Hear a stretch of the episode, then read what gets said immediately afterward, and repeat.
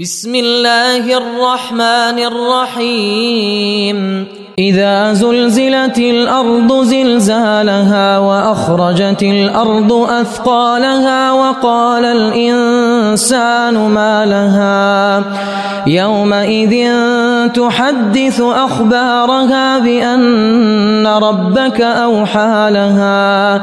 يومئذ يصدر الناس أشتاتا ليروا أعمالهم فمن يعمل مثقال ذرة خيرا يره ومن يعمل مثقال ذرة شرا يره الله